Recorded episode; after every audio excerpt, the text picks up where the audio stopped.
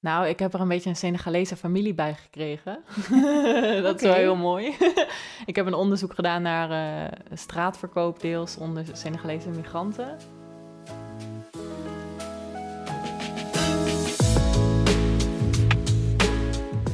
Welkom weer bij de Vuurplaats podcast van Pioniersplek de Vuurplaats in Apeldoorn.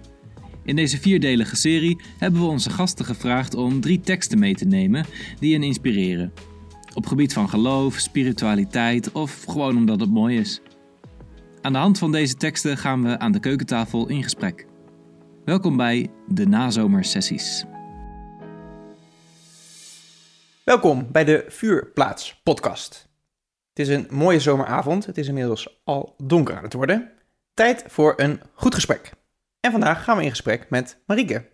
Hoi Marieke, Hoi. leuk dat je er bent. Ja, vind ik ook. Leuk. Leuk dat ik uitgenodigd ben. En dit gesprek doe ik niet alleen, want ook Leonie is er weer. Ik ben er ook weer. Hoi Marieke. Hoi Leonie. Klaar voor het gesprek? Zekers. Dan gaan we beginnen. Eh, in deze reeks eh, hebben we elke week eh, iemand te gast. En aan de hand van teksten die de gast meeneemt, gaan we in gesprek. Ehm, en ook aan Marieke hebben we als eerste gevraagd om een tekst mee te nemen die iets over haar vertelt. En daar gaan we nu naar luisteren. Zoek me om je heen als je voelt dat je me mist. Ik weet gerust wat mijn vertrek heeft aangericht. Ik kom wanneer je wilt, denk maar, mijn vader is de wind. Ik ben zo licht nu, ik vind altijd je gezicht. Zoek me om je heen als je boos bent of verdrietig, of vertellen wilt van wat je hebt beleefd. Ik kom wanneer je wilt, ik ben je vader toch, de wind. En veel verschilt het niet van hoe snel ik heb geleefd. Als het pannen van daken waait, als het gras naar je voeten graait, als de wind langs je wangen aait, hier ben ik. Als de zee je met schuim bezinkt, als het huilen langs huizen klinkt, als de wind je voorover dwingt, hier ben ik. Ren, Lenny, ren. Als je me mist, ren even heel hard met me mee. Ren, Lenny, ren. En ben je boos, heb je geen zin, ren toch maar hard tegen me in. Ren, Lenny, ren. Acta en de Munnik. Ja, precies. Ja, het is een lied van, eh van de Munnik. Eh, wat ik altijd heel erg fijn vind om eh, te luisteren als ik op de fiets zit, al jarenlang eigenlijk. Ehm, soms als ik op de fiets zit, maar ook wel als ik aan het wandelen ben, dan, dan hoor ik dat lied in mijn hoofd. Soms als ik het niet eens op heb. En dan, ja, dan voel ik de wind en dan voel ik die kracht. Dat ik denk van ja, ik vind het altijd een nummer heel veel ja, kracht geven. De wind. Ehm, waar verwijst voor jou de wind naar? Verwijst het ergens naar? Of is het echt letterlijk de wind? Eh, nee, het verwijst ook wel eh, naar iets. Ehm, ik heb als kind en ook wel als jongere, denk ik, heel lang de associatie gehad bij de wind dat ik aan mijn opa moest denken. Eh, mijn opa is overleden toen ik vijf was, maar ik heb altijd een hele soort hechte band met hem gevoeld. Heel warm ook. En ik ging vroeger altijd wandelen met mijn opa in het bos.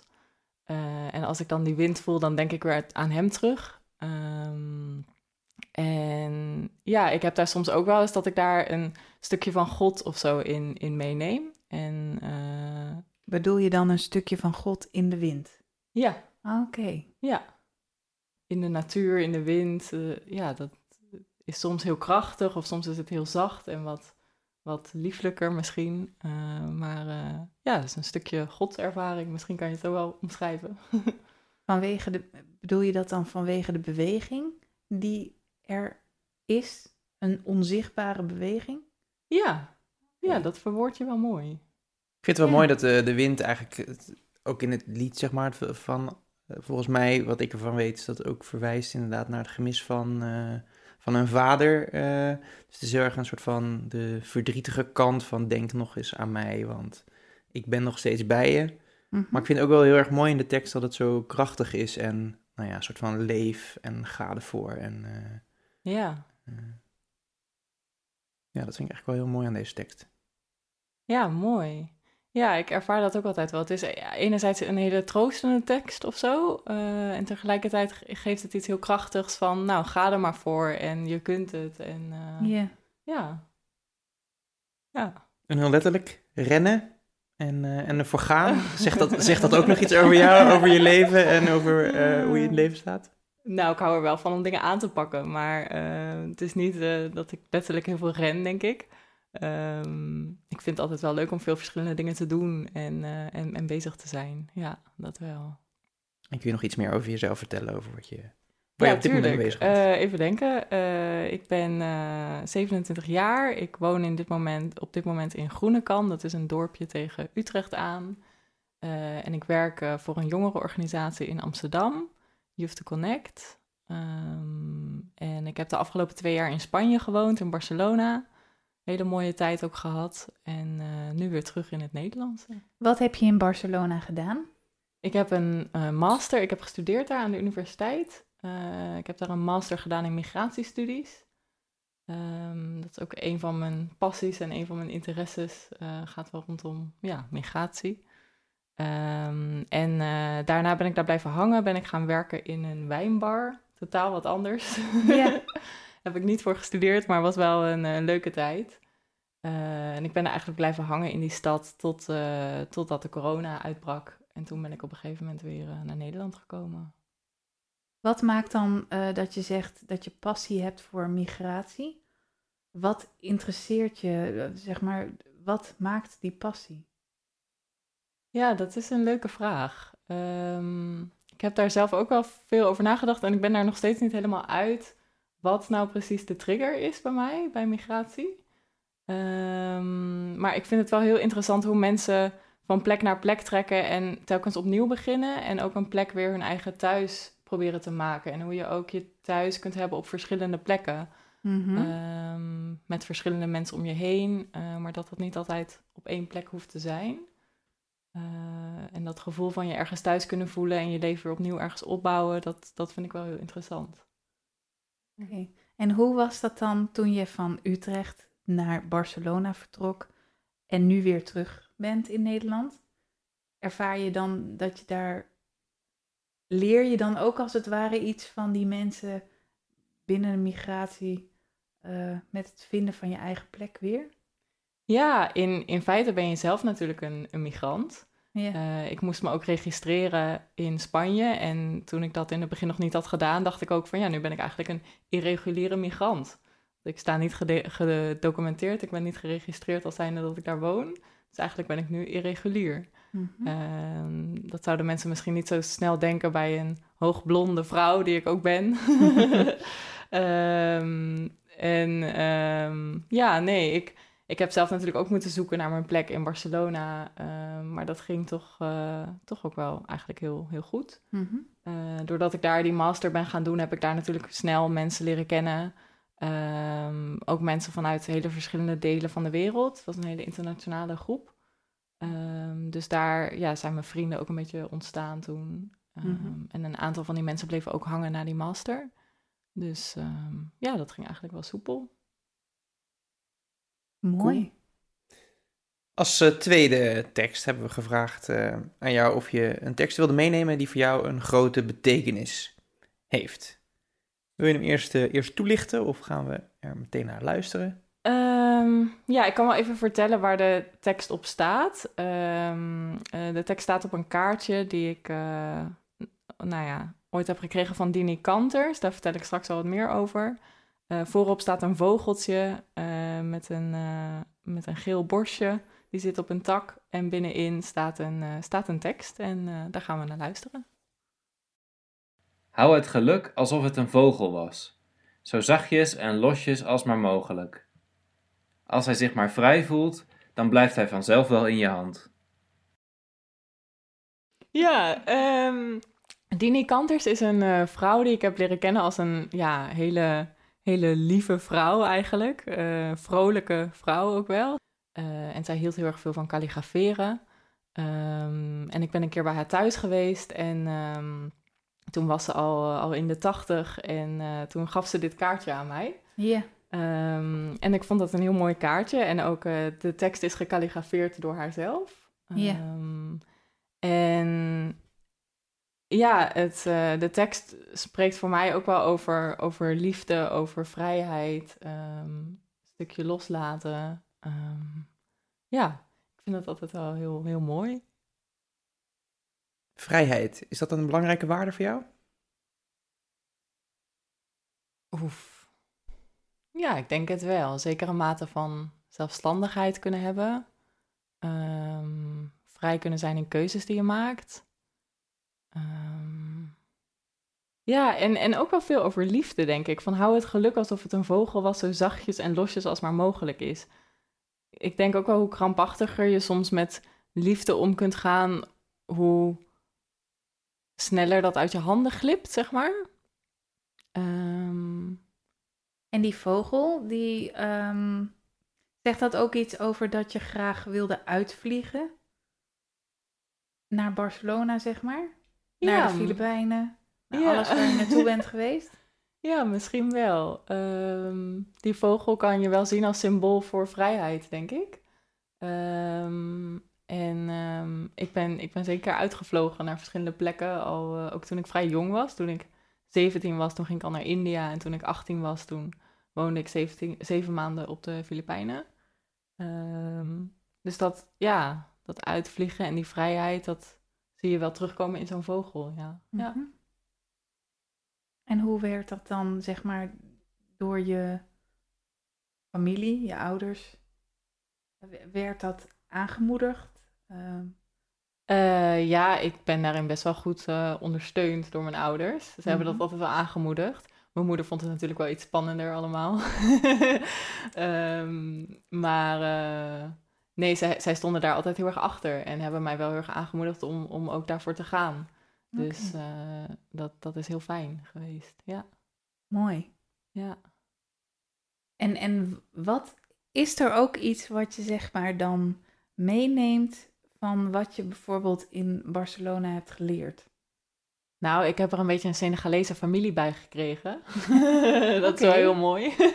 ik heb een onderzoek gedaan naar eh, straatverkoop, deels onder Senegalese migranten en Gambiaanse migranten. En dan heb ik me vooral gericht op vrouwen en hun rol daarin. Ehm, en ik ben daarin heel erg verwelkomd door, eh, door één vrouw met name, een paar vrouwen ook wel. Eh, die mij echt op sleeptouw hebben genomen en ook bij, mij, bij hun thuis hebben uitgenodigd. Ehm, deze zomer was ik toevallig nog even terug in Barcelona. En toen ben ik ook bij hun thuis geweest weer. Ik weer even de hele familie gezien. Wat leuk. Eh, en dat zijn wel banden die je opbouwt, eh, waardoor je dat, ja, deels doe je dat als onderzoeker zijnde, maar je doet dat natuurlijk ook echt als persoon, waarbij je een connectie aangaat van persoon tot persoon. Ja. En dat zijn wel hele bijzondere ervaringen, ehm, waarin je in zulke andere leefwerelden komt soms, ehm, die, eh, ja, die ik zo'n, zonder zo'n onderzoek nooit had gezien, zeg maar. Mhm. Ehm, ja, dat was wel heel bijzonder om mee te maken. Wat voor onderzoek heb je, zeg maar, met hen? Zeg maar, ja, ze waren dus ook studieobject, zeg maar. Maar hoe, ja, wat, hoe, wat, eh, wat heb je onderzocht? Eh, ik heb onderzocht hoe ze een beetje ehm, ja, zoeken naar manieren, strategieën om te overleven, zeg maar, in, in sectoren zoals de straatverkoop en een beetje de informele economie. Eh, en hoe ze steeds op zoek gaan naar nieuwe kansen, nieuwe uitdagingen, eh, hoe ze deels ook mobiel moeten zijn. Eh, en wat je daarin ziet is dat vrouwen vooral een rol innemen die ondersteunend zijn aan de straatverkopers zelf. Dus je hebt heel veel, heel veel mannen met name die op een kleedje zitten en tassen verkopen aan toeristen. Of souvenirs, sleutelhangers, eh, t-shirts, voetbalshirts, schoenen. Ze verkopen eigenlijk heel veel verschillende spullen. Ja. Eh, daar zitten ook wel wat vrouwen tussen. eh, maar de rol van vrouwen is met name om langs al die straatverkopers te lopen met eten en drinken. Want die mensen die zitten daar de hele dag en die zijn de hele dag op, op, op, ja, onderweg. Ehm, dus die vrouwen die verkopen dan eten en drinken aan hun ehm paisanos, noemen ze dat dan. Dat zijn hun, hun landgenoten, zou je dat in het Nederlands vertalen, maar het hun mede-Senegalezen.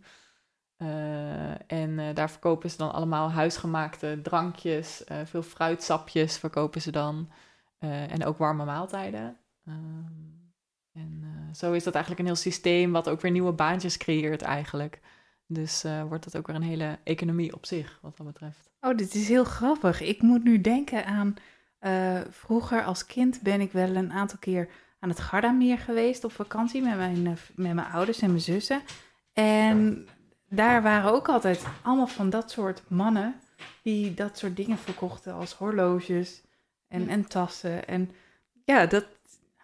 Leuk. Ja, ze zitten op meerdere plekken in Europa. Je ziet ze ook in Parijs bijvoorbeeld heel veel. Eh, in Italiaanse steden ook wel inderdaad. Ehm, ik wist niet dat ze bij het Gardameer ook inderdaad eh, zijn, maar dat kan ik me heel goed voorstellen. En ze reizen vaak ook wel rond door, eh, door Europa. Ik heb ook een, een Gambiaanse vrouw ontmoet die vanuit Barcelona regelmatig naar Frankrijk reisde in het verleden met de bus. Ja. En dan nam ze allemaal kleden met zich mee en die verkocht ze dan weer in Frankrijk aan allemaal mensen binnen haar eigen netwerk.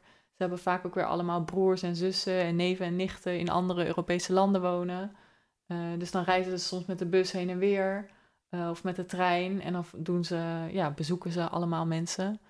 Uh, je hebt ook veel mensen die de helft van het jaar in Senegal of in Gambia wonen en de helft van het jaar in Europa. Oké. Okay. En die veel seizoenswerk doen. Um, dus daar zit eigenlijk heel veel, het is heel dynamisch. Mensen zitten niet op één plek vaak. En het is dus ook een heel netwerk. Daar nooit bij stilgestaan. Jij, Willem? Nee, en ik ben ook wel benieuwd, dat je, was het makkelijk om contact te leggen? Ik kan me voorstellen als uh, blonde Marieke uh, binnenkomt, dat ze denken van ja, wat, wat moet hij? Of, uh... Ja, ik viel daar natuurlijk heel erg op.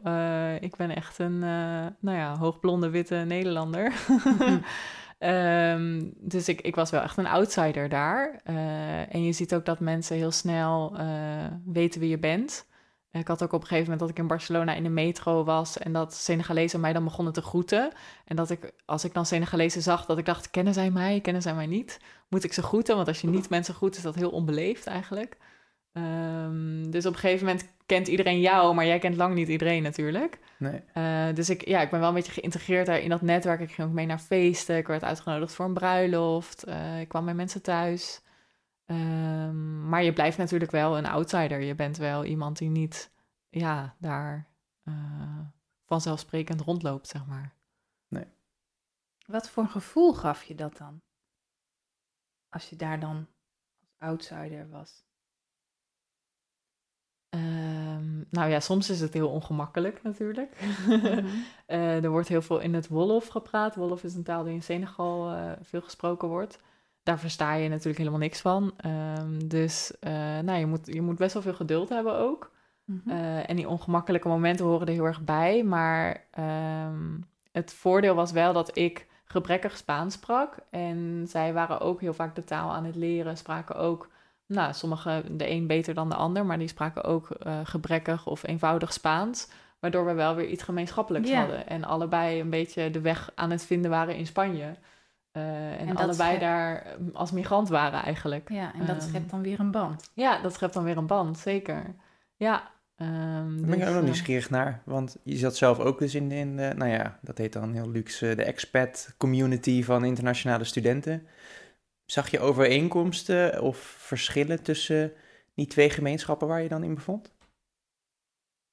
Ehm, nou ja, verschil wel in perspectief misschien soms. Dat ehm, die internationale studenten die zitten daar heel vaak tijdelijk en die hebben zoiets van, nou, we gaan na onze studie weer weg en we gaan op zoek naar banen bij mm, de Europese Commissie of bij, eh, nou ja, allemaal hoge instanties. Terwijl, ehm, nou ja, een deel van de mensen die bijvoorbeeld als straatverkoper werken, die hebben wel papieren, maar een ander deel heeft geen papieren. Eh, die hebben ook niet heel veel ehm, arbeidsperspectief, terwijl ze soms wel andere dingen willen doen. Sommigen die wouden wel echt een contract hebben en die wouden ehm, als kapper aan de slag of in een restaurant werken. En dat was toch ook wegens discriminatie heel vaak heel lastig. Ehm, niet iedereen wil dat hoor. Er zijn ook mensen die ook een vaste baan hebben en daarnaast nog op straat verkopen. Dus, eh, en daar zijn ook allemaal mixvormen weer tussen. Maar eh, ja, een stukje perspectief, dat is wel echt anders. Dus ook wel in, in klassen, denk ik, zit daar wel een verschil in. Ja. Ehm, ja. Ja, ja.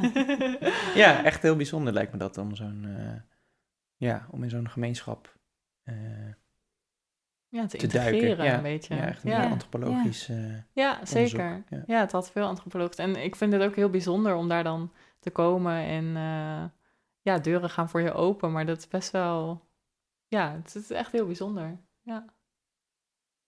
En ehm, als, eh, als slot hebben we ook gevraagd om een, eh, om een tekst mee te nemen. Om eh, de nacht mee in te gaan. Iets moois, iets liefs, iets fijns.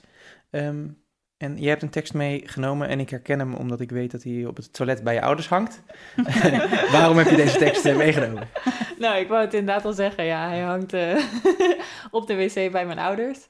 Ehm, en het is een tekst die ik dus uh, nou ja, heel vaak heb gezien en heel vaak heb gelezen. Uh, maar ik vind het altijd een, ja, een, een, hoopvolle tekst die, die, die gaat over vertrouwen. Um, en ja, je ook weer verder een stukje op weg helpt. Ja, we gaan er volgens mij niks meer over zetten, want anders gaan we spoilen. En dat is zonde van, uh, van de tekst. Maar ik wil je heel erg danken voor, uh, voor het gesprek. Dankjewel, Marieke. Dank jullie wel voor de uitnodiging. En ja. dan mag je zelf uh, de laatste tekst voorlezen. Alright. Je rijdt de straat uit tegen het ochtendlicht in. Je recht je rug om de rugzak aan je schouder. Je kijkt niet om, je hebt je blik recht vooruit. Zo fiets je naar school. Als ik je zo zie, ben ik op jou zo trots. Ik zou je mee willen geven. Blijf nieuwsgierig en blijf overeind. Ga met open ogen de wereld tegemoet. Blijf niet hangen bij de slappe hap van vlotte babbels, maar ga de weg van moedige eerlijkheid. Dan ben je op de goede weg. Ga zonder vrees tegen beterweters in. Wat je ook doet, doe er goed aan. Waar het ook met je heen gaat, je komt er wel. Zo fier als je nu bent, moet je blijven. Zo zal ik je altijd onthouden. Je moet je houden aan het lef dat je nu hebt. Zie ik je zo wegfietsen, dan heb je mijn zegen. Daar moet je het mee doen. Maar kijk je wel goed uit bij dat kruispunt? Die is mooi. Wow, mooi, ja. Nou, dat was hem. Leuk. Ja, een tekst van Karel Eikman.